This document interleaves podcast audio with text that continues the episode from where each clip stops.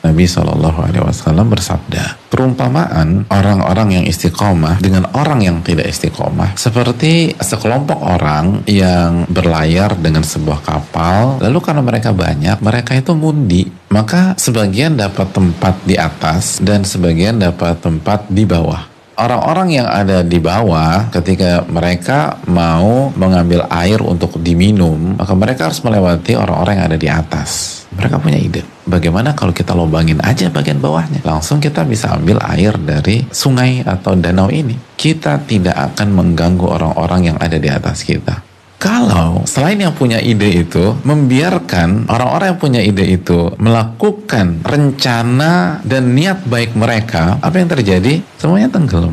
Namun kalau orang-orang yang di atas itu mencegah mereka yang ada di bawah yang punya niat baik tersebut, maka mereka akan selamat dan semuanya juga akan selamat. Nah, di sini dikeluarkan Imam Al-Bukhari ada banyak kemungkaran itu lahir dari niat baik. Tapi karena mungkin keluguan, ketidaktahuan, nggak ada ilmunya, nggak musyawarah, akhirnya bisa membuat banyak orang celaka dan dirinya celaka mengetahui motif itu penting. Nggak semua niat baik itu benar.